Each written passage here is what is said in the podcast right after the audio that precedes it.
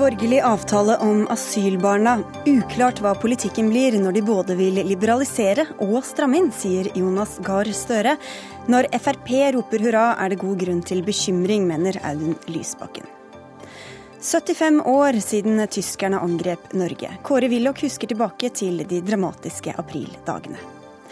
Og Vårt Land er blitt en homofiksert avis som styrer kirkedebattene helt feil retning, sier lesbisk prest.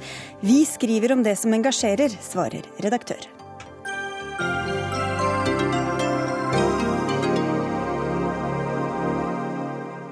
Dette er Dagsnytt 18 i NRK P2 og NRK2 med Sigrid Solund i studio. Så kom regjeringa og samarbeidspartiene omsider fram til en løsning i asylbarnsaken i går kveld, etter måneder med knallhard strid og usedvanlig skarp språkbruk. KrF og Venstre fikk gjennomslag for at rundt 60 asylbarn som er sendt ut av landet, skal kunne få saken sin vurdert på nytt. Til gjengjeld kommer innstramminger på andre områder. Statsminister Erna Solberg er på vei eh, opp eh, trappa her, men først til deg, Arbeiderpartileder Jonas Gahr Støre. Hvordan har behandlingen av denne saken sett ut fra sidelinjen, syns du? Jeg syns den har vært eh, kaotisk, dratt ut i tid, og det har jo vært veldig sterk ordbruk, som du sier.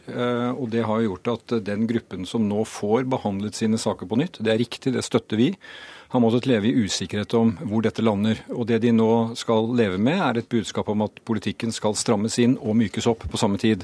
Og summen av det, det er eh, ikke klarhet og eh, ikke god linje på et så viktig område som dette. Hva syns du om innholdet i den avtalen som de fire partiene er blitt enige om, da? Vi støtter hovedinnholdet i det som nå gjøres for at det blir gitt ny vurdering for de som ble offer for det rotet som justisministeren eh, stelte til i 2014. Det er positivt. En del av de innstramningene som kommer, kan vi også nikke til. Men jeg merker meg nå, ett døgn etter, at det fra flere faghold blir stilt spørsmål ved hva egentlig omfanget av dem er. Og det er jo igjen dette som er litt underlig med denne regjeringen, at når den skal gjøre ting på asyl, så skal den både myke opp og stramme til for å innfri kravene fra de partene som skal med. Og det, det, mener jeg er uheldig, og vi må jo stille spørsmål om det i dagene som kommer, hva som er effekten og virkningen av en del av de såkalte innstramningstiltakene. Og det skaper usikkerhet, sier større statsminister Erna Solberg. Eh, jeg mener at det ikke er usikkerhet. Det vi har gjort nå, er jo å gjennomføre, også for de barna som ble sendt ut etter 1.7, den politikkendringen som eh, de fire partiene ble enige om. Til forskjell fra den rød-grønne politikken som den forrige regjeringen sto på når det gjaldt lengeværende barn. Det har vi altså gjennomført for de som er i Norge i dag, og så kommer det til å være en varig politikkendring.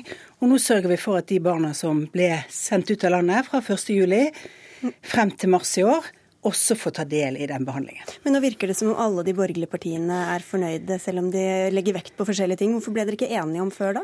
Om det før? Altså, Av og til tar det tid å finne de gode kompromissene i politikken. Og det er klart at Dette er en sak som har krevd noen gode kompromisser. For ingen av regjeringspartiene har i utgangspunktet ment at det var nødvendig å hente tilbake og behandle alle de sakene som vi nå kommer til å behandle. Men vi har tatt inn over oss at vi brukte for lang tid på å lage denne politikkendringen fra den forrige regjeringens politikk. Den som har oppmyket for de barna som har vært her lenge. Og da har vi syntes at det var rimelig når våre samarbeidspartnere har ønsket at vi også skulle gjøre denne gjeldende med litt tilbakevirkende kraft, at vi har funnet en balanse. Men eh, du sa i Politisk kvarter at justisminister Anders Anundsen har stått som en bauta i denne saken. Hvordan syns du han fulgte opp intensjonen i den politikkendringen dere ble enige om med KrF og Venstre? Jeg mener vi har fulgt opp det vi ble enige om i politikkendringen. Vi har laget en engangsløsning, og så har vi laget en varig ny løsning. Det har gjort at vi har liberalisert for barn som har vært her lenge. Samtidig har han gjennomført den andre delen av avtalen, at vi skulle være tøffere på de som burde sendes ut, på kriminelle og på andre, og så har vi oppnådd resultater på de områdene. Men Hvorfor var KrF og Venstre så misfornøyd da? Blant annet fordi det tok for lang tid. Og Det har jeg lyst til å si at det har jo jeg sagt i Stortinget også flere ganger, at vi brukte for lang tid på å få til den varige forskriften. Og den varige forskriften hadde vi noen prinsipper for når vi satt i Nydalen. De prinsippene viste seg å ikke gi den effekten som målsetningen var, og da måtte vi finne andre ord og et annet innhold i det. Og så har vi oppnådd å få den effekten vi har. Derfor er det barn som nå får bli, familier som får bli, som den forrige regjeringen mente skulle sendes ut av landet. Det blir jo en ny definisjon av ordet her, også av ordet bauta. Eh, vi har altså en kontrollkomité i Stortinget hvor eh, mitt parti bl.a. har uttrykt mistillit til justisministeren for at han har feilinformert, gitt gal informasjon, unnlatt å gi informasjon og ikke fulgt opp det han lovet. Det var nå i forhold til Stortinget. Men så er det et forhold som egentlig ikke ankommer oss. Det er forholdet mellom partene her. Hvor det var helt klart at Kristelig Folkeparti og Venstre opplevde at den avtalen de hadde, ikke var blitt fulgt opp. Og Det er jo det som gjør at vi sitter her i dag, og det vi hørte i går. Jeg sier igjen, vi støtter hovedinnholdet i det som nå gjøres for disse barna. Det var jo Siv Jensen som sa at denne avtalen har jo stått, har ikke vært brutt, har vært fulgt i punkt og prikke. Mens de to andre partiene har en helt annen vurdering. Og ved de ulike korsveiene så kommer vi altså her og får høre at politikken skal både mykes opp og strammes inn på samme tid. Det har en uheldig effekt langt utenfor Norge. fordi at Måten vi kommuniserer om asylpolitikken, det sa også statsministeren dag tidlig som tidligere innvandringsminister, det legges merke til verden rundt. Og Jeg husker selv som utenriksminister, når det var uklarhet om politikken, så fikk det betydning om hvordan folk så på det å reise til Norge. Derfor er det utrolig viktig at det er klarhet og ikke tolkningsmonn på den måten vi har hørt det siste døgnet eh, fra disse partiene. Men tror du at fordi at disse barna får behandlet saken sin på nytt, så vil det gjøre at flere kommer til Norge og søker asyl? Nei, det mener jeg var riktig å rydde opp i. Eh, og så det er riktig at de barna får behandlet saken sin ja, på nytt? Du er enig i det? Fordi, som statsministeren sier, at det tok for lang tid. Men ikke bare det. De hadde jo lagt til grunn at det skulle føres en annen politikk enn det som ble ført. Eh, og da får de ta ansvar i det og rydde opp i det. Eh, det andre, med tvilen rundt dette med innstramning, altså om man skal uh, søke om familieforening innen seks måneder eller ett år, uh, det har blitt enige om at det skal skje etter seks måneder. Vel, effekten av det ser jeg en del eksperter nå sier kan uh, ha store virkninger på hvor mange som får bli i Norge. Og uklarheter om det er ikke bra. Altså først så syns jeg det er litt sjarmerende at Arbeiderpartiet nå, som faktisk sto for den politikken hvor alle disse barna ville være sendt ut, som ikke ville liberalisere for lengeværende barn, nå eh, tilsynelatende forsøker å forandre politikk. Fint. Der sier jeg bare velkommen etter i det samarbeidet vi har gjort. Vi har altså sagt at vi har fått til noe i grunnlaget for denne regjeringen som har etter min mening vært ganske unikt. Vi har fått til en innstramning i tråd med det Høyre og Fremskrittspartiet har ønsket, på de som ikke har rett til å være her, på å sende folk raskt ut. Og vi har fått til en liberalisering for de barna som har vært her lenge, og som har en sterk tilknytning. Jeg tror faktisk at det treffer litt av den ryggmarsrefleksen som er i den norske befolkningen. At barn som har vært her lenge, som har fått en tilknytning til dette landet, får en mulighet til å bli.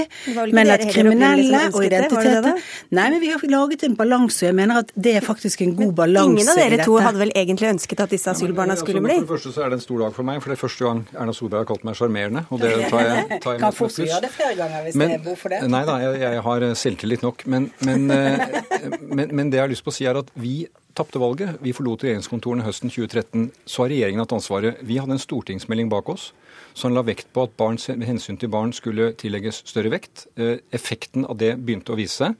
Vi ville jo, om vi hadde fortsatt, sett nærmere på dette meget vanskelige temaet om lengeværende barn.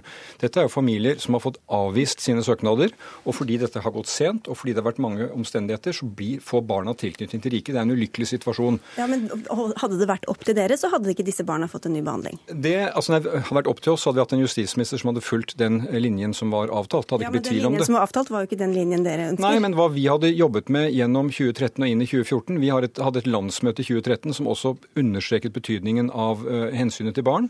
Og den forskriftsendringen som de kom fram til 8.12. i fjor, som, som, stadfester dette, den kan jeg si i dag, den kan vi nikke til. Det er en rimelig bare for å stille et. Men bare et øyeblikk, Solberg. Så hva ønsker dere å gjøre annerledes da i asyl- og innvandringspolitikken på disse feltene som de har snakket om nå, dersom dere kommer til makta igjen?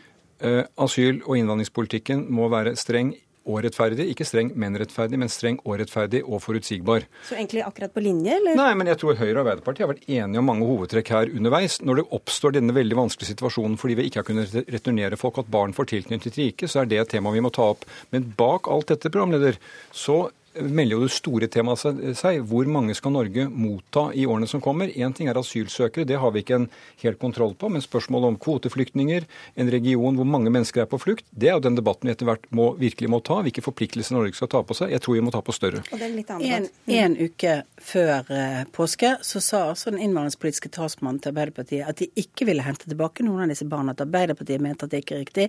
I går kveld var de fornøyd med det vi hadde gjort og sa de kunne støtte hoveddelen av det. Det viser jo at Arbeiderpartiet ikke har noen annen politikk på dette området som er selvstendig enn å følge med på det de opplever som svingningene og debattene i Norge.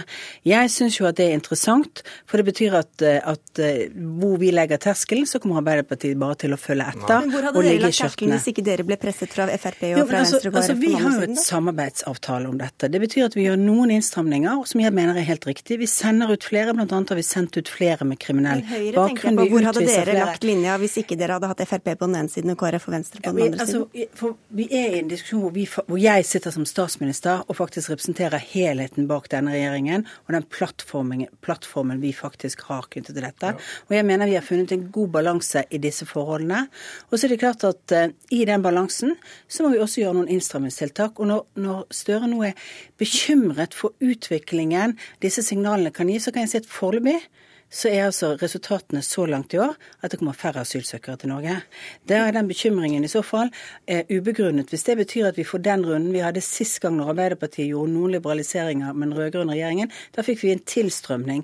Så langt har signalene vært klare og tydelige, tror jeg, fra denne regjeringen at hvis du ikke har behov for beskyttelse, ja, så er det ikke Norge stedet å søke asyl. Asylinstituttet skal vernes til de som har behov for beskyttelse. De er det mange av i verden i dag. Derfor er det mange som får opphold. Men selve ankomsten er det færre av. Det er riktig, statsminister. Du har ansvar for den helheten og den avtalen. Det har ikke jeg, og det er jeg egentlig ganske glad for. Når vi satt med regjeringsansvar, så var Høyre i grunnen ganske taus rundt eh, den politikken som ble ført de siste årene, så vidt jeg kan huske. Det er regjeringen som har ansvar for dette. Sitter med detaljene, følger med. Nå har de avtalefestet at justisministeren skal møte samarbeidspartiene en gang i måneden. Det er nedfelt skriftlig i avtalen. Eh, vel, altså han er nærmest satt under administrasjon. Det blir spennende å følge med på. Poenget er Alle vil møte bautaen? Ja, alle vil møte Bautaen. Så får vi håpe at Bautaen følger opp de avtalene som han har inngått. Det er jo det som er grunnen til at vi har fått denne saken. At han ikke gjorde det han var satt til å gjøre. Og det har ført til at halve Stortinget omtrent har uttrykt mistillit til han. Jeg uh, mener jo at det mistillitsforslaget skal vi diskutere når vi kommer i Stortinget. Jeg mener at det ikke er grunnlag for den konklusjonen som uh, de rød-grønne partiene har trukket om mistillit. Jeg mener det å dra prinsippene for dette uh, og hva som er opplysningsplikten og hva den skal inneholde, ganske langt og prøvd mot mange, og vil være en vanskelig situasjon for fremtidige regjeringer å forholde seg til, hvis det er den grensen som Arbeiderpartiet har satt i denne saken. Den skal vi ta da. Ja. Og så, så, ja, da var det helt superkort. Erna Solberg. Nei, til slutt er det, at det er faktisk spennende å høre på Arbeiderpartiet nå, fordi de har altså som sagt ikke noen selvstendig innvandrings- og integreringspolitikk lenger. Når vi satt i regjering, eller når vi ikke satt i regjering, dere satt i regjering, så fremmet vi en rekke forslag om å endre og stramme inn bl.a. på en del av politikken. Noe av det gjennomførte dere når dere så at deres egen politikk etter to-tre år med rød-grønn politikk ikke fungerte. Du leder en regjering som markedsfører seg som en regjering som skal både liberalisere og stramme inn. Som har ulik tolkning om avtalen følges og ikke følges. Som har en justisminister som nesten ikke har tillit til Stortinget. Det er ikke mye å være stolt av. Vi skal liberalisere for barn ja, og slå hardt ned på skurker, det syns jeg er en god politikk. Du, dere har begge tett program i kveld. Vi må takke dere i denne runden og hente inn andre aktører til å fortsette debatten. Takk skal dere ha.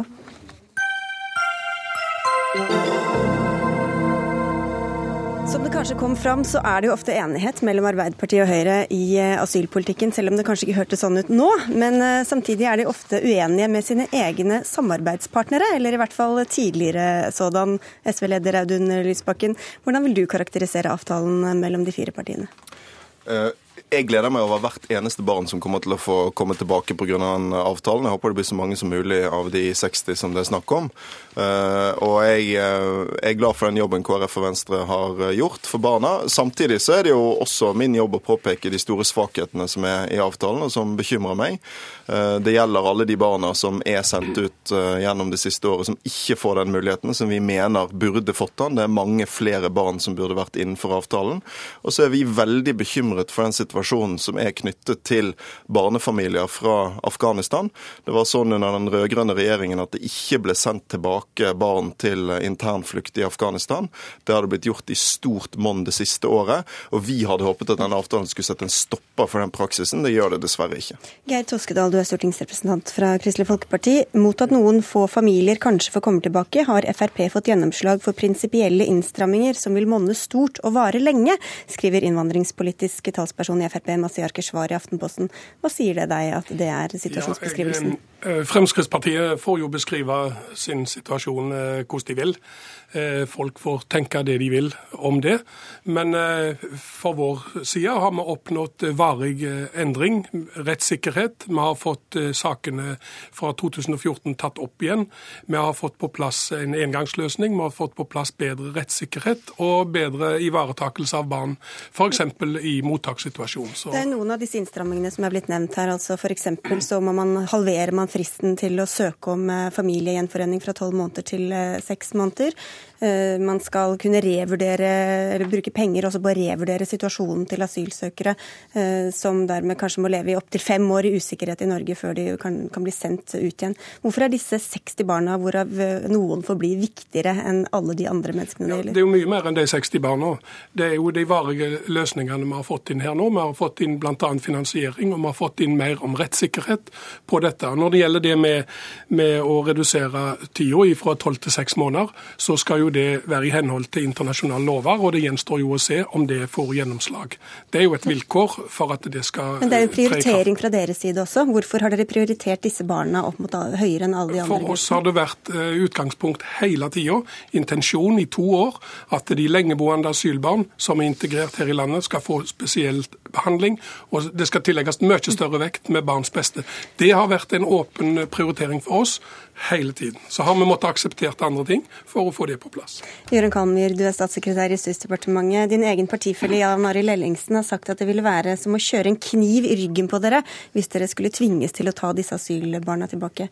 Hvordan står det til? Nei, det han uttalte seg i forhold til, var et ultimatum som var gjensidig fra KrF sin side. Nå har vi istedenfor fått på plass en avtale der vi har en god helhet. Den samme helheten som det vi hadde når vi inngikk samarbeidsavtalen. Vi skal ha en strammere og en strengere innvandring og asylpolitikk. På andre sida så skal vi ha en mer liberal ja, bare, okay. ha en mer liberal praksis i forhold til de lengeværende barna, som er blitt der fordi at den forrige regjeringa ikke klarte å sende ut dem som de har sjøl gitt avslag på asylsøknadene til. Og Dette her er en helhet som vi nå har videreført også i den nye avtalen. sånn at Vi ønsker å reindyrke asylinstituttet, slik at det blir et institutt for dem som virkelig trenger beskyttelse. Og så klart det I en tid hvor vi har mange skiftende konflikter rundt i verden så er det Men hvorfor sa dere da at det var helt uaktuelt at disse barna skulle få sakene sine Som jeg nettopp sa til deg, dette var et svar på et ultimatum, så det, det var et ensidig krav. Istedenfor så har vi nå fått en helhetlig avtale som både Men dere sa jo ikke det er uaktuelt å ta dem tilbake med mindre vi får en helhetlig avtale? hvor vi også får gjennomslag for andre ting? Altså, Jeg uttaler meg fordi at eh, Jan Arild Erlingsen, han uttalte seg til Men også Siv Jensen og andre har sagt at det er uaktuelt å la disse barna få, få barnebehandling på nytt. Han kommenterte et konkret, ensidig krav, og det er det jeg må forholde meg til. Jeg kan ikke begynne å tolke hva han har meint eller tenkt når han sa dette her nå. Jeg må forholde meg til det som sto faktisk i avisa. Men det som er hovedpoenget her nå, det er balansen i denne avtalen. Og balansen er veldig god, fordi at vi greier det som SV aldri, aldri greide, eller Arbeiderpartiet aldri greier, aldri greide, nemlig å føre en streng innvandring og asylpolitikk, samtidig som vi greier å, å vise humanitet overfor de barna som uforskyldig har vært der lenge, enten pga. at foreldre ikke har samarbeida, men på et eller annet tidspunkt så har vi blitt enige om at det kan ikke barna lenger lastes for. Men samtidig så har vi da en innvandringspolitikk som er såpass streng at asyltilstrømninga til Norge har gått ganske dramatisk ned. Og disse barna får altså en mildere behandling for å si det sånn enn det de fikk under dere, Audun Lysbakken? Det er nok ikke et helt korrekt bilde. fordi eh, For det første så har KrF og Venstre og SV alltid samarbeidet om disse sakene. og Den liberaliseringen som nå har kommet, har bygget videre på liberaliseringer som eh, vi fikk til de årene vi satt i regjering. Det betyr at det har gått lenger enn det dere hadde da? Den største og mest omfattende liberaliseringen kom i 2006-2007. Det er den som har ført til at flest barn har fått bli. Men det var helt nødvendig å gå videre nå, fordi den ikke hjalp alle. og Det støtter vi. Men det har også kommet en dramatisk innstramming i politikken overfor barn. og Det gjelder da returpraksis til eh, Afghanistan. I 2013 så ble det sendt ut null barn til Afghanistan. I fjor var det 42. Det er en stor andel av de barna vi snakker om.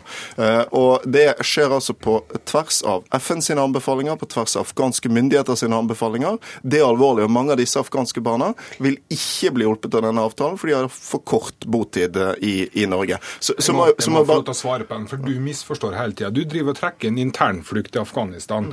Fordi at eh, UDI har anbefalt at vi ikke skal sende folk tilbake til internflukt til Afghanistan. Men det du glemmer å nevne, det er at eh, det gjelder bare hvis man ikke har ressurser eller nettverk på stedet.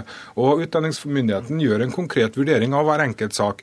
Og det har ikke blitt sendt noen tilbake i strid mot det som er UDIs anbefalinger. Det har vi dokumentert gang på gang. Du skal være forsiktig med å beskylde andre for å misforstå hvis du ja, Når det gjelder de andre barna, så burde den forrige regjeringa faktisk ha returnert dem til Afghanistan istedenfor å la dem være i Norge det, ja, men hvorfor tok dere ikke dem opphold? Nå ble det veldig mye babling her. Ok, Lysbakken, fullfør setningen. Til og, med, Arbeiderpartiet sin justisminister, som ikke var spesielt raus overfor asylbarn, bortsett fra de gangene SV presset de til det, ønsket ikke å sende barn tilbake til Afghanistan. Så da skal de bare være i Norge uten å få opphold? Det er langt bedre at disse barna får den muligheten til å bli i Norge, og over tid så vil de få det, enn å bli sendt ut til en brutal og farlig situasjon i Afghanistan, sånn som dere gjør. Og det er også en politikk som KrF og Venstre er, er medansvarlig for. En egen debatt. Ja, men det er en viktig del av dette, for dette handler om mange av de barna som er sendt ut. Men jeg stille et spørsmål, Kalmi. Hvor mange færre er det som kommer til å få opphold med den nye, strengere politikken dere innfører nå, da? Hvis Arbeiderpartiet og SV virkelig hadde meint det, at det var for farlig å sende dem til Afghanistan, ja da burde de gitt dem beskyttelse i Norge. Men det gjorde de ikke. Nei, men kan vi legge Afghanistan litt dødt nå? Eh, også Audun Lysbakken, nå må du også være litt stille. Jeg hører på programmet. Ja. Oh. Hvor mange færre kommer til å få opphold i Norge med den nye, strengere innvandringspolitikken som dere nå skal føre? Det kommer jo helt an på verdenssituasjonen. Og Det som er det viktige, det er at det er de personene som trenger asyl, som trenger beskyttelse, som skal få det i Norge, til den tida man faktisk trenger det.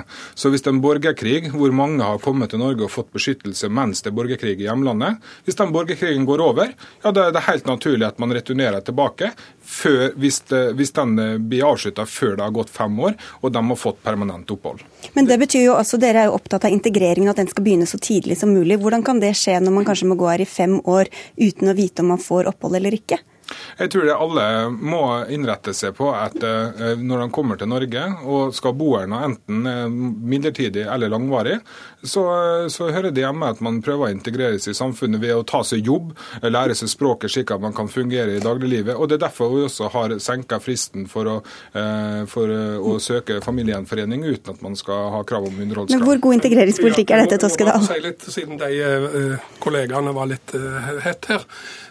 Når det gjaldt Eh, Ellingsens uttalelse, så kom den lenge før eh, Hareides ultimatum, slik hadde det sagt.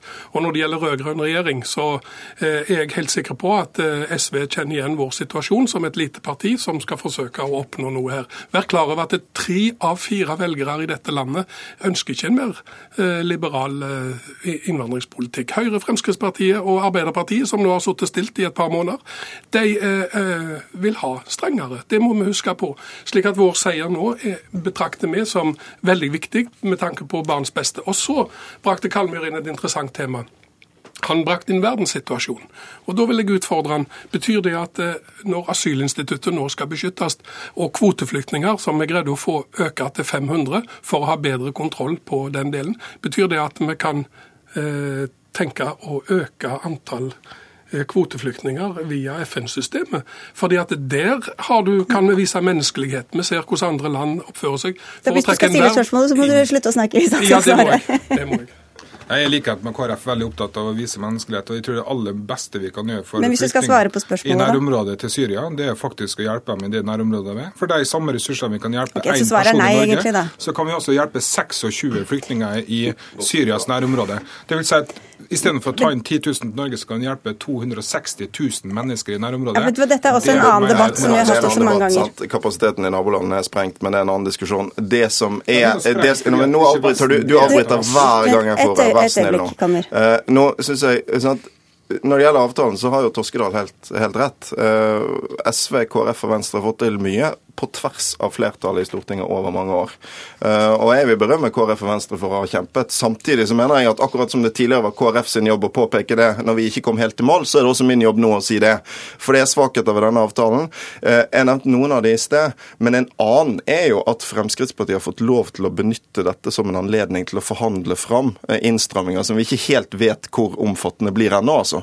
Men, men sant, utgangspunktet for denne ulykkelige situasjonen er altså at justisministeren har har rotet det til, brutt informasjonsplikten, etter vårt syn brutt Grunnloven, fått et mistillitsforslag mot seg i Stortinget. Og så skal altså Fremskrittspartiet bruke det som anledning til å kreve ytterligere gjennomslag for sin politikk. Det mener jeg i utgangspunktet okay, er helt uakseptabelt. Men først, Toskedal, hva er det du frykter mest? Nå skal dere ha jevnlige møter med Anders Anundsen, men hva er det du frykter kan være konsekvensen av de innrømmelsene dere ikke ønsket å gi? Det er klart at vi har akseptert uh, ting som vi ikke har foreslått eller tenkt, men det er veldig viktig å få fram hva vi også da fikk inn i avtalen som ikke er blitt nevnt. Barnefamilier og kvinner skal prioriteres. Vi har fått inn varig økt rettshjelp i systemet, i tillegg til behandlingen av disse barna. Så, eh, men det som smertet mest, da? Hva er det du frykter kan være konsekvensen av det dere ikke helt vet eh, hvordan går ennå? Det eh, gjenstår å se. Derfor har vi lagt inn månedlig evaluering, og hele planen skal evalueres om ett år. Så vi har lagt oss løypemeldinger der vi skal få nøyaktig rapport. Det må regjeringen levere,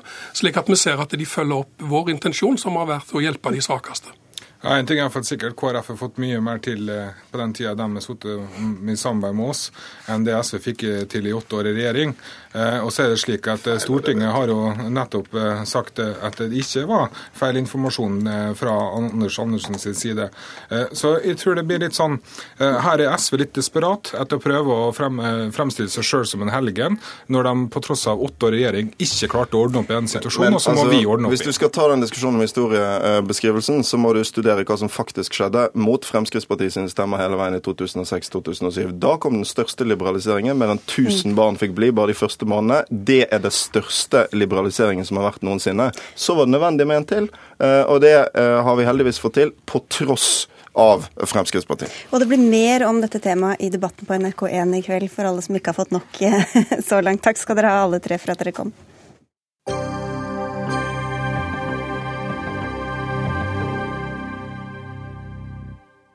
Klokka 4.30 meldtes om heftig kamp mellom en del av krigsskipene og Oscarsborg. Tyske krigsskip har også passert inn til Bergen. To skip har passert inn til Trondheim. I dag er det altså 75 år siden Norge ble angrepet av tyske styrker. I løpet av natta til 9. april 1940 kom tyske marineskip inn til en rekke norske byer og satte soldater i land. Gøril Strømholm, du er tidligere journalist i NRK, har eh, bl.a. skrevet boka 'Jentungen og krigen'. Du var eh, bare fire år gammel og bodde i gamlebyen i Oslo da Norge ble okkupert 9. april. Hva husker du best fra dette første dramatiske døgnet? Oi, det Jeg var til stede, eller jeg befant meg på gamle Østbanestasjonen det med glasstaket og disse eh, tverrbjelkene langt oppi taket der. Og der togene gikk fra den gangen, og sammen med mine foreldre og masse mennesker som nærmest sloss om å få lov til å komme på toget og få plass på toget og reise ut av byen eller flykte ut av byen. Og plutselig så kommer det en forferdelig støy, og så ser jeg sorte Disse forferdelige sorte flyene falle ned mot glasstaket som om de skal gjennom glasstaket og ned på oss. Og så kommer det et hyl av redsel fra menneskemengden, selvfølgelig. Og jeg ser at mine foreldre er redde. Jeg ser at faren min er helt hvit i ansiktet. Og jeg skjønner at de er redde, og det har jeg ikke sett før. Det kan jeg ikke huske at jeg noen gang hadde opplevd før. Det satte spor? Det satte spor. Og jeg glemmer det aldri. Da, hva gjorde dere Hva gjorde dere da? Hva sa du nå? Hva, hva gjorde dere? Altså, vi, eh, vi, kom oss jo ut til en bondegård uh, ute i Spydberg. Det husker jeg ingenting av. Uh, men jeg husker at jeg og min fetter lekte under et stabbur hvor vi fant alt mulig vidunderlig skrot til å leke med. ikke sant? Det husker jeg fra dette døgnet. Og de forferdelige flyene. Kåre Willoch, du var elleve år. Hva ja, ja. husker du best fra 9. april? Jeg husker godt at uh, vi ble vekket av flyalarmen. Jeg husker at vi var ikke meget overrasket. For min far var mobilisert i admiralstaben, og han hadde fortalt oss på forhånd at det kom til å bli krig. Det var eh, nærmest bare de ansvarlige i regjeringen som ikke orket å se denne virkeligheten i øynene. Og så husker jeg veldig godt hans forsøk på å komme i tjeneste, men det var ikke så lett, for det var høy forvirring på den militære ledelsen også. Men et barn kan vel heller ikke helt forstå hva krig innebærer? Vel, jeg var jo elleve og et halvt år, og jeg hadde jo hatt den gleden å få lov å lytte når min far og hans kamerater fra Sjøkrigsskolen diskuterte disse tingene. Og de var jo veldig foruroliget lang tid i forveien.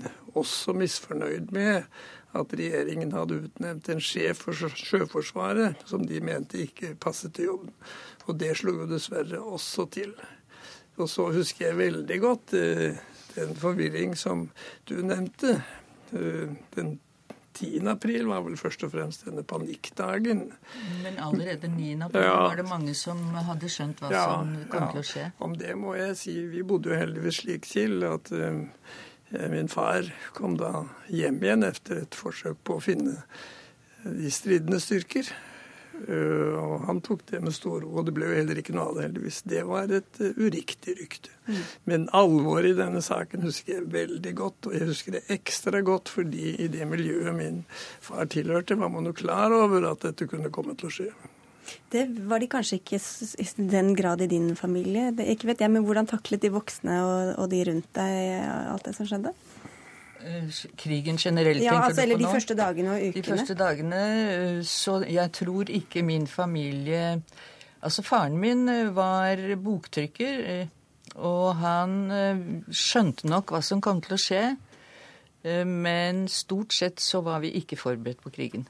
Jeg har veldig lyst til å legge til her at senere fikk vi jo beretningene om Forsvaret i Bergen, hvor min onkel var sjef for kystfestningen, hadde en desperat kamp mot overlegne tyske styrker med tredjedels bemanning, foreldet utstyr, mangel på ammunisjon, forbud mot å bemanne torpedobatteriet, forbud mot å legge ut miner. Allikevel kjempet de desperat inntil tyskerne kom inn på hans kommandoplass det var da de måtte gi opp. Og min andre onkel Odd var jo sjef på dette panserskipet, som egentlig burde vært en del av Forsvarsmuseet. Og de ble jo sprengt i stumper og stykker da han ikke ville gi seg. Men så uh, gikk jo ukene og månedene. Hvordan ble etter hvert hverdagen da under uh, okkupasjonen? Nei, det var jo veldig forskjellig, da. Altså uh, i perioder så gikk det flyalarmer eh, nesten hver natt. Og da jeg bodde i gamlebyen i Sveigårds gate, som var hovedfartsåret ut og inn av eh, hovedstaden den gangen. Eh, og så hadde vi jernbanen på den andre siden. Stuevinduer ut mot jernbanen. Så vi var på en måte omringet av tyske soldater. Hele gamlebyen var full av tyske soldater. Eh, og offiserer. Og når flyalarmene gikk, så, så var det bare å kaste på seg noen klær og ramle nedover i trappene ned til kjelleren, hvor eh, hele gården, alle i gården satt og ventet på kanskje at det kom en bombe. Altså, det visste vi ikke. Det gjorde aldri det. Men vi kunne ikke forutsi det. Vi kunne ikke vite det. Var dere mye redde da? Nei, altså, jeg tror nok man må si i Oslo-regionen så ble forholdene nokså normale sommeren 1940, før det spiste seg kraftig til etter at uh, tyskeren og terbofen var så ukloke å sette Quisling til makthaver igjen. Det var jo, som historien vil vise, ganske uheldig opptreden fra en del ledere i Oslo. Men, men eh, folk flest merket nok eh, alvoret i krigen, undertrykkelsen av den brutale okkupasjonen først noe senere. Men eh, hvordan var det etter hvert? Så ble det jo også matrasjoner. Ja. og hvordan, hvordan, var det å skaffe seg nok ja, mat å spise? Ja, Det kan du spørre om. Det var jo mangel på mat. Eh, og vi måtte bruke rasjoneringsmerker. Vi fikk utdelt et visst eh, antall merker per måned, eller jeg husker ikke nøyaktig hvor lenge disse merkene varte, men eh, mer enn det som sto på merket, det fikk vi ikke, ikke sant. Og jeg må si at jeg Det er en gåte den dag i dag hvordan mødrene i familiene rundt omkring i landet klarte å føde føde, altså fòre ja. familiene slik at de overlevde. Altså Det syns jeg er fantastisk når jeg tenker på gjorde det. en fantastisk innsats. Nå må jeg få legge til at den aller verste del av okkupasjonen opplevde vi ikke. Eh, Min far og mine to eldre brødre dro jo via Sverige til marinen i England, hvor de deltok i krigen derfra. Og eh, min mor og jeg måtte jo da rømme til Sverige, hvor vi var i den tiden som var aller verst i Norge. For i Norge ble jo forholdene verre og verre. Og tyskerne ble jo mer og mer desperate, og de norske quislingene også.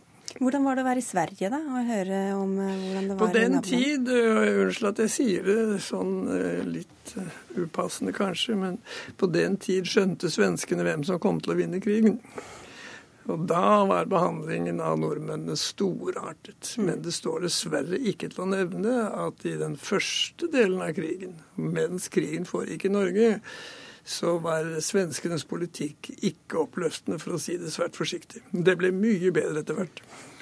Strømholm, du sier at du var omgitt av tyske soldater. Hvordan forholdt dere til dem som, som barn når dere gikk på gata og møtte dem? Ja, Det er et godt spørsmål. Det er eh, Altså, vi I Sveigers gate så var det jo troppetransporter av tyske soldater som sang seg nedover til byen.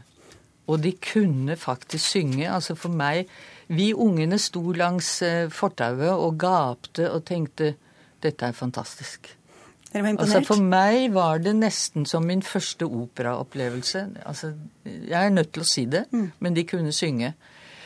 Eh, Så hadde vi offiserene som ofte flanerte på fortauene der vi som barn lekte. Jeg og mine venninner vi tegnet Hoppet paradis, ikke sant? Og da møtte vi ofte disse offiserene som gjerne ville snakke med oss. Gjerne ville være snille med oss. Gjerne gi oss disse godteriene som vi har hørt så mye om, ikke sant? men som vi, jeg iallfall, ikke fikk lov til å ta imot. Og det var litt av en kamp for en jentunge som nesten ikke visste hva sjokolade var. For det var kanskje ikke så lett å skjønne at det var fienden eh, i, sånn, i person som sto der på gata heller. eh. Nei, det var vanskelig å forstå. Fordi de var jo ganske pene, og de var ganske snille og vennlige. Jeg, må jo, jeg skjønner veldig godt hva du sier. Men jeg må få si at i det miljøet jeg kjente, så var det klart fra første øyeblikk at eh, disse menneskene snakker vi ikke hyggelig til. Var det like lett bestandig, da? Var det like lett bestandig, tror du, når man møtte dem? sammen? Ja, jeg tror nok det, men jeg skjønner jo godt den situasjonen. For altså, mange av disse tyskerne som kom hit, de var jo heller ikke kommet frivillig. Nei, ikke sant? Nettopp.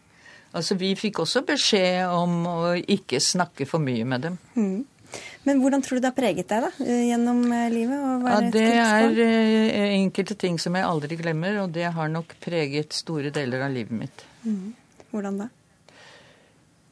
Altså, jeg vil jo ikke Jeg vil jo ikke, Ikke si lage dette større enn det er, men altså, av og til så har jeg kjent på denne ukjente angsten som av og til kommer, og som jeg ikke har skjønt i begynnelsen hvor kommer fra.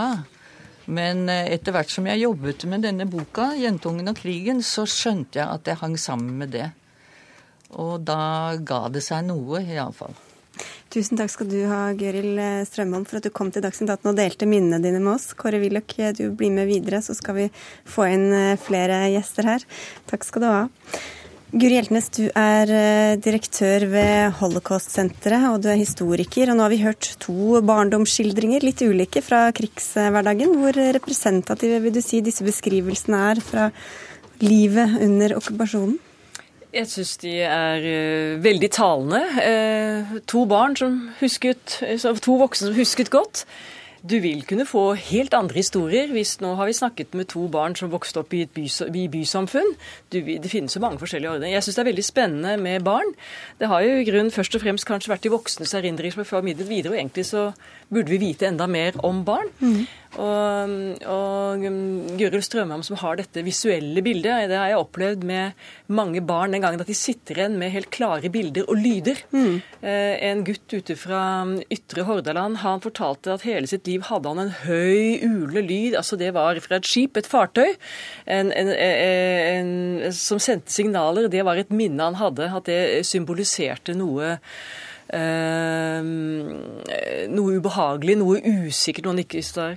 Et annet uttrykk som er lyder, som jeg har fått både forstått barn og voksne, er at når tyske jernhæler gikk over Bragernes bro, altså i Drammen, betydde det mindre melk.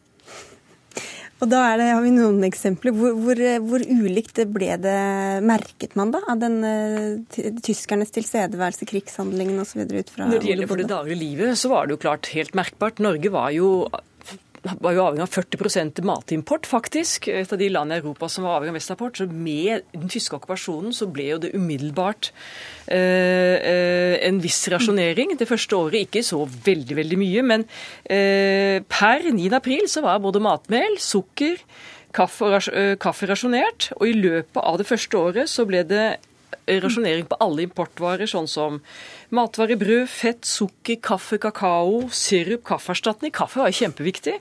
Året etter alt kjøtt og flesk, egg, melk osv. Egg forsvant jo fra markedet. Mm. Og poteter forsvant jo sånn fritt eh, sommeren 42, og i november 43 så var på en måte rasjoneringen full brakt. Da var det borte. slik at det, denne gradvise fasingen, det merket man jo i det daglige livet. Marte Michelet, du har skrevet boka 'Den største forbrytelsen' om den norske holocaust og jøder i Norge før og etter, eller under krigen. Hva gjorde norske jøder da i disse første dagene da tyskerne kom?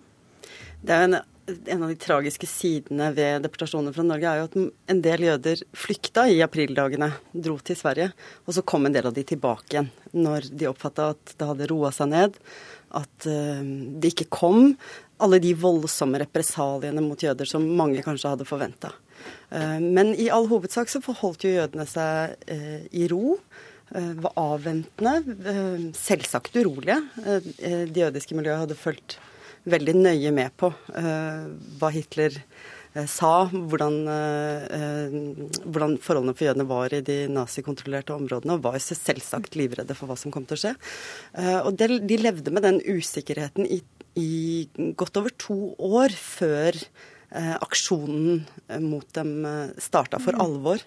at i, i, en lang periode visste ikke jødene hvor dette kom til å ende, og, og levde og lette etter små og store signaler om hvordan det kom til å utvikle seg. Og faren din, som vi har skjønt var en veldig godt informert mann, Willoch, han var også engasjert i jødene? Jeg husker veldig godt at han kom farende hjem og for av gårde videre til en jødisk familie som vi kjente veldig godt, for å varsle dem om at nå kom den arrestasjonsbølgen.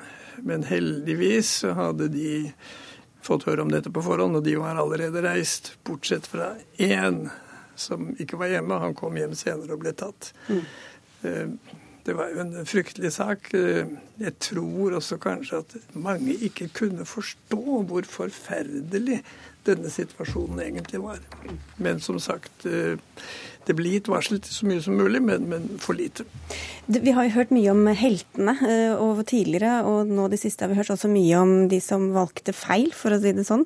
Men for mange må det vel også bare handlet om å få hverdagen til å gå på best mulig vis? Eller hva for de fleste var det jo det. Eh, hverdag, okkupasjonshverdagen var jo en vanlig hverdag, og så var det en annen annerledes hverdag. Det ble denne for å møte dette, leve i dette mangelsamfunnet, da, så, så, var jo det å sikre kosthold veldig viktig.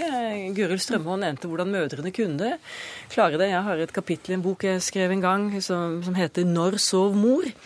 Eh, det var altså, Alt ble tungvint, og det, det var jo fire, fire ting som gjorde at man møtte dette mangelsamfunnet. Det ene var at det var store offentlige anstrengelser ved å etablere en regulering og rasjonering.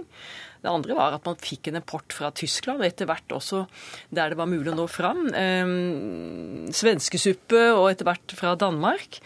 Så var det egen matproduksjon. Og så var det at maten fant andre veier. Børsing, orging. Men det er klart, uten det folkelig private initiativet, så kunne det virkelig blitt hungersnød. Det var utrolig viktig at man fikk denne omfattende mathauken. Og der deltok både menn og kvinner. Og for første gang eh, på lenge så gikk jo alle til skogs. Altså Aldri har man plukket så mye sopp, aldri har man plukket så mye bær. Man fikk tyttebærkrig på Østlandet, og det var regulering når når bærplukkingen skulle Lensmannen lå i terrenget, det skulle ikke starte før 05.45.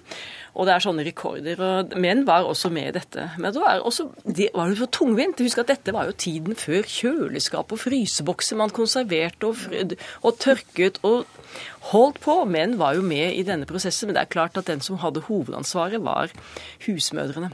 Akkurat. Matauken husker jeg veldig godt. Hver eneste kvadratmeter jord skulle spades opp og brukes til å dyrke et eller annet matnyttig. Og det er kanskje noe vi burde huske på, men vi sier det er, Jeg syns det å ta vare på dyrkbar jord er kolossalt viktig. Jeg er veldig lei for at altfor mange glemmer dette. Men ellers så sier vi jo det, at vi aldri må glemme 9. april, Marte Michelet. Men hvilke ulike meninger legger vi i det, avhengig av hvilket ståsted man har? Nei, det, er, det, er, det, har vært et slagord i, i, i mange tiår. Vi skal aldri glemme 9. april. Og i dag tror jeg det er litt uklart for nye generasjoner hva det betyr. Du kan på en måte legge litt eh, hva som helst inn i det. Eh, I dag er det jo f.eks. i både i Aftenposten og VG eh, veldig sterkt uttrykk for at det å ikke glemme 9. april, det handler om å ruste opp Forsvaret, slik at vi aldri havner i en situasjon hvor vi blir invadert igjen. Mens samtidig så er, har jo fredsbevegelsen eh, massevis av markeringer både i dag og utover i mai for å, si at, for å si det motsatte. At vi må ruste ned. At det er det vi må lære andre verdenskrig. Og sånn er det med nesten alt med andre verdenskrig. Du kan finne, du kan finne støtte for eh, det meste. Eh, og, og, den, og, det pågår jo en eh, strid om, om hva det er vi skal lære å huske. Eh, og der har det vært veldig ulike perspektiver gjennom eh, de 75 årene med, med historieskriving som vi nå har. Det har jeg veldig lyst til å prøve å svare på. Jeg har lagt merke til at Jens Christian Hauge, som jo var leder av de norske såkalt illegale styrkene under krigen, efter krigen, han hadde da også vært forsvarsminister i Gersens regjering, sa det at hvis vi hadde utstyrt oss med tilfredsstillende forsvar, så hadde tyskerne antagelig ikke våget dette angrepet. For da ville tapene for marinen bli så stor at de ville miste styrke til et senere angrep. Jeg tror det er riktig. Jeg tror lærdommen er det. At vi må delta i nutiden, betyr det å delta i en forsvarsallianse med tilstrekkelige midler, slik at ingen vil ta risikoen på å angripe oss. Og så må vi være oppmerksom på at i alle land finnes det kultiverte og ukultiverte folk, og det kan alltid være risiko for at noen av disse gale menneskene finner på noe som vi må ha et forsvar mot. Eh, Marte Witle, du har skrevet om norske jøder. Andre skriver om andre grupper eller andre kamper som de mener er glemt. Hvorfor tror du det er eh, stadig behov for å få nye fortellinger om denne krigen, som altså begynte for 75 år siden? Nei, det er uh, ingen Det kommer aldri til å, til å bli skrevet én bok som gir det eneste riktige, sanne og endelige svaret på hvordan andre verdenskrig var. Jeg har blitt spurt så mange ganger det siste halve året om trenger vi enda en bok om krigen, men selvsagt trenger vi hele tida nye bøker om krigen. For historiefaget handler jo ikke bare om å finne nye dokumenter og nye kilder til fortida. Det handler jo også om å eh, se på gamle eh, kilder og dokumenter med nye blikk og stille nye spørsmål om dem. Eh, og det er felter i den norske okkupasjonshistorien som har vært veldig blinde flekker, og som det er helt nødvendig at man, at man ser på igjen og igjen. Og når du har reist rundt og snakka om, om, dette, så har det også kommet opp mange som kommer til deg, sier du, med historier som de aldri har fortalt. Eh, noen av sine nærmeste engang. Mm. Jeg syns det er en litt, litt sånn pussig ting, fordi mange jeg snakker med, sier at foreldrene deres eh, aldri fortalte noe om krigen. Mitt, og det, det, gjelder alt mulig. Det gjelder både de som har foreldre som eh, var på feil side, og de som har foreldre som gjorde relativt heroiske ting. Eh, det virker på meg som om noen av eh, at at det er en slags taushetskultur, har vært det rundt mye uh, med krigen. Og i overraskende grad. Jeg har f.eks. hørt historier om, om folk som øh, De visste aldri at besteforeldrene hadde skjult jøder. Det kom fram mye seinere. Hvorfor var ikke det noe de skrøyt av øh, den gangen? Altså at, man, øh, at hva, hva, som oppleves som viktig å fortelle om, jo også hele tida er noe som er i forandring. Jeg tror det er ganske vanlig at, at den krigsgenerasjonen ikke automatisk fortalte hva som hadde skjedd. Man gikk videre. Uh, uh, jeg har snakket med mange sjøfolk som krigsseilere. Og veldig mange av dem fortalte ingenting. Altså det, de seilte, de var jo ikke mobilisert. De seilte var alminnelige sivile, og noen av de seilte i seks år. Under de mest uh, dramatiske omstendigheter, og andre hadde fredeligere liv, men med traumatiske opplevelser, men gikk videre. Og først senere, ved senskader, kom dette opp. Og dette tror jeg gjelder krigs... Man gikk ikke og fortalte. Så tror jeg også rett og slett at eh, en del tenkte ikke at det hadde gjort noe spesielt. Mm. Altså, altså Willoch nevnte Jens Christian Hauge. Han har, han har og i, sine bøker eh, omtalt de kvinner som hadde dekkleiligheter. Veldig viktig jobb, men de har jo ikke stått fram etterpå. Jeg hadde de i dekning. Altså, jeg tror Det er ikke alle som har sett på at det de har gjort. så jeg tenker noe av Det viktigste... Det var de andre som var heltene, og ikke ja, de selv? Ja, men så tror jeg vi som er historikere eller vi som er forfattere forteller om dette. Vi har da en forpliktelse å løfte dette fram og gi det en historie. Jeg opplevde å intervjue helt alminnelige, vanlige mennesker og så tenke på at ja, men jeg har jo en historie, jeg også. Så det er jo noe med Livet er jo slik at ting du gjør, uh, Willoch, som i dag Nå er jo du en kjent person, men det kan være ting du har gjort i ditt liv som ikke du tenk, tenker har vært historie eller verdifullt å fortelle videre. Det gjelder oss alle. Så Det er ikke så mystisk at man ikke fortalte. Altså, det er jo ikke slik at vi i vår hverdag forteller alt det vi gjør, til våre barn. Nei, det, det, er jo ikke slik det er. En historie er veldig viktig som grunnlag for løsning av fremtidsoppgaver. Og så må jeg legge til at det er dessverre slik at altfor mange norske var altfor passive da man startet disse aksjonene mot jødene. Men det er jo også et problem i mange samfunn. Minoriteter blir lett ofre når det inntreffer kriser. Vi får si tusen takk for en fin historietime til alle tre. Kåre Willoch, Guri Hjeltnes og Marte Misle. Takk skal dere ha.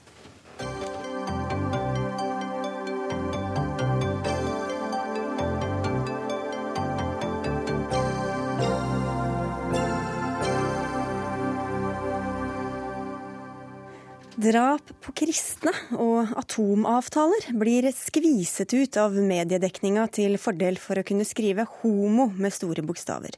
Det er kritikken mot avisa Vårt Land, som blir beskyldt for å være fiksert på homofili.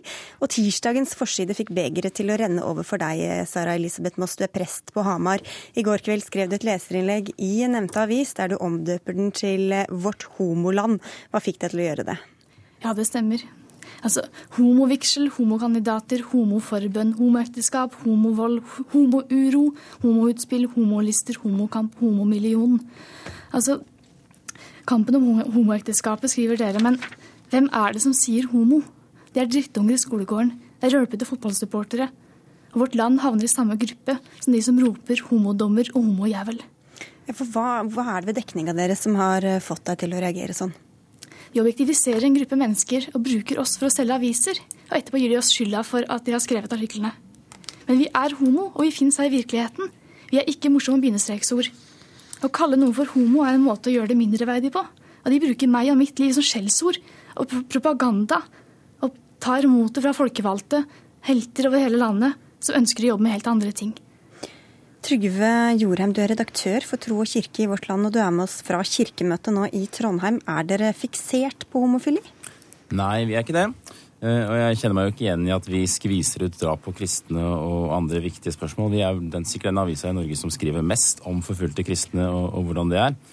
Eh, jeg vil gjerne eh, Jeg har lest innlegget til, til Sara Moss. og jeg opplever den kritikken som, som, todelt. Den ene delen den har jeg ganske stor forståelse for, så det vil jeg gjerne komme tilbake til. Men det er, det er en del her som jeg syns er ganske meningsløs. Eh, det første delen som jeg har forståelse for, går, for, det går på det språklige. Eh, men det andre går på det som er på prioritering. Eh, striden om homofilt samliv den er det altså ikke vårt land som har startet. Den har vart i Den norske kirke, i, helt uavhengig av vårt land, i, i veldig mange år. Flere tiår. Vi har ikke så mye makt i Kirke-Norge at vi kan verken hindre eller akselerere det. Folk i kirka i Norge er stort sett enige om det aller meste. Jeg var nå på generaldebatten på kirkemøtet, og det er jo ingen som er uenig i alle de tingene som blir sagt om dette må vi gjøre bedre, her må vi rekruttere, her må vi ha flere barn og unge. Sånn at det er som i annen politikk. Eh, man er enige om mye, og det er det som skiller, som blir eh, fokusert på. Mm. Ja, Hva sier du til dem? Det er jo der hvor konfliktene ligger, som er det mest interessante å grave seg ned i. Jeg er helt uenig med Trygve Jorheim om hvor konfliktene ligger. Jeg. For vi er uenige om kjempemange ting i denne kirka. Veldig mm. mange flere ting enn homoting. Og det er ikke farlig å være uenig. Det blir bare farlig hvis vi later som vi er enige, og tar alle avgjørelsene i lukkede rom. Og vi må tørre å snakke om mer enn makt. Men du sier at eh, vårt land ene og alene har skylda for at kirkevalget til høsten blir et homovalg. Har avisa så stor makt, eh, mener du? Ene og alene er nok å ta litt hardt i, men det er vårt land som har en viss mulighet til å sette dagsorden overfor andre medier også. Så når NRK ringte til meg, så trodde jo journalisten at homosaken var en viktig sak på kirkemøtet i dag. Og det stemmer jo ikke i det hele tatt. Men det hadde han plukket opp fra Vårt Land. Det er ikke riktig. Vi har jo nettopp skrevet at den saken ikke kommer opp i det hele tatt i år. Ja, ja, men- altså men Den eneste journalisten som, eller en av mine medarbeidere sitter der nede nå, er jo den blant de få som faktisk bryr seg og som skriver om andre saker. Vi har skrevet masse vi om ny kirkeordning og alle de viktige tingene som du nevner i ditt innlegg, og som, som ligger i løypa nå. Problemet er jo at de spørsmålene som de kandidatene til års, eh, til høstens kirkevalg har fått, handler jo stort sett om ting som folk er enige om. Eh, Vil, hva vil du prioritere, har de fått spørsmål om. Men det er jo ikke kirkevalg nå, nå er det jo kirkemøte. Hvorfor bruker dere så mye tid eh, og overskrifter på en sak som ikke står på kirkemøtets dagsorden i det hele tatt? Det er fordi det er kirkevalg til høsten, og eh, nominasjonskomiteene rundt i bispedømmene har nå stilt spørsmål til alle de som eh, har latt seg nominere.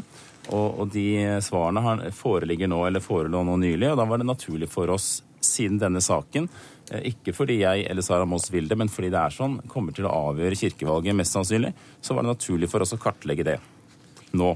Det er helt vanlig å skrive om valgkampen eh, også før den siste måneden før, når det foreligger relevant informasjon. Og det er ikke bare i eh, vårt land, men også mange i kirka som er opptatt av dette foran kirkevalget med oss. Ja, det stemmer. Men jeg syns det er veldig synd at Vårt Land insisterer på å gjøre Åpen folkekirke, som den artikkelen handlet litt om, til et enstaksparti eller en enstaksgruppe. Eh, Åpen folkekirke er eh, en demokratisk medlemsorganisasjon som har ganske mange andre saker. Men de når aldri ut i Vårt Land, og det vet jeg at veldig mange lokale folkevalgte på listen er kjempefrustrerte over. Vårt Land ringer hele tiden og spør om homoting. Og vil ikke ha noe særlig informasjon om de andre tingene. Eh, Og Da blir det også veldig vanskelig å ha en ordentlig debatt. Vi hadde jo, eh, var blant de få mediene som var til stede på, på årsmøtet, det første årsmøtet i Åpen folkekirke, og, og hadde da en bred dekning av de andre sakene som Sturla Stålseth, lederen der, eh, ville fremheve som viktige saker. Men det er nå engang sånn at Åpen folkekirke ble stiftet som en reaksjon på ekteskapsdebatten på forrige kirkemøte, og du har også da Levende folkekirke, som er motsatsen, som ble stiftet som en reaksjon på det igjen. Men, men ok, jeg syns det er veldig trist å høre at du, du snakker om skjellsord her. Eh, og, og det, er det, eh, det er der jeg tror kanskje vi har eh, noe å snakke sammen om. Eh, vi kommer til å dekke valgkampen her, og jeg eh, er ikke blitt overbevist gjennom denne samtalen om at denne saken ikke kommer til å avgjøre kirkevalget. Det er denne saken som er lettest å mobilisere nye velgere, eller nye kirkevelgere med. Men, Men syns dere at det er litt sånn pirrende og spennende å skrive Nei, om på, på ingen måte. homosaker? Det er vel kanskje ingen i, i Norge som eh, sånn, Pirrer, pirres mindre av eh, Jo da, for all del, men altså, det er jo en misforståelse også at vi er opptatt av prester eller andres privatliv. Vi dekker de debattene som går i Kirke-Norge, og, og denne debatten er, er svært viktig. Eh, og så, eh, så tenker jeg at jeg forstår og respekterer ganske dypt den, den delen av kritikken fra Sara Moss som handler om hvordan homofile omtales. Og, det er jo ikke noe sånn enighet blant homofile om hvilke ord som er greie. Jeg har vært på seminar om dette her, og det var, det var ganske mye Jeg arrangerte seminaret. Du arrangerte seminaret? Ja, det var mange ord Takk for sist. Takk for Ja, sist. Men, men hvor liberal mener du vårt land selv er i dette spørsmålet, da, Moss, eh, ut fra hva du var innom litt tidligere? Er det opp til en avis å være liberal eller konservativ i et sånt spørsmål? Vårt Land har jo valgt å legge seg på en linje, har jeg hørt, som eh, er relativt konservativ. Vi har jo ikke noe mening om hva eller altså Vi er jo opptatt av indre selvstyre i alle trossamfunn. Og det gjelder også i det største trossamfunnet i Norge, som er Den norske kirke. Og det har vært vår linje hele tiden, helt fra avisa ble startet. Det som er viktig for oss, er at politikerne ikke blander seg inn, inn i de interne debattene som går på teologi. Men Eh, hvem skal blande seg inn i det da? Det, det er også Nei, men Vi skal dekke spørsmål. det. Vi skal fortelle eh, leserne våre hvilke debatter går, eh, hvor er posisjonene, hvem mener det ene og hvem mener det andre, og hvordan jobber de organene som skal få dette til å komme til en avgjørelse til slutt. Og Det er det vi gjør når vi kartlegger hvem som er. Ja, men Dere gjør jo ikke det, for at dere skriver jo feilinformasjon om hvordan, hvordan valget finner sted. Dere har ennå ikke skjønt hva listevalget vil si, f.eks. Sånn som dere har skrevet en artikkel som jeg kritiserer på tirsdag.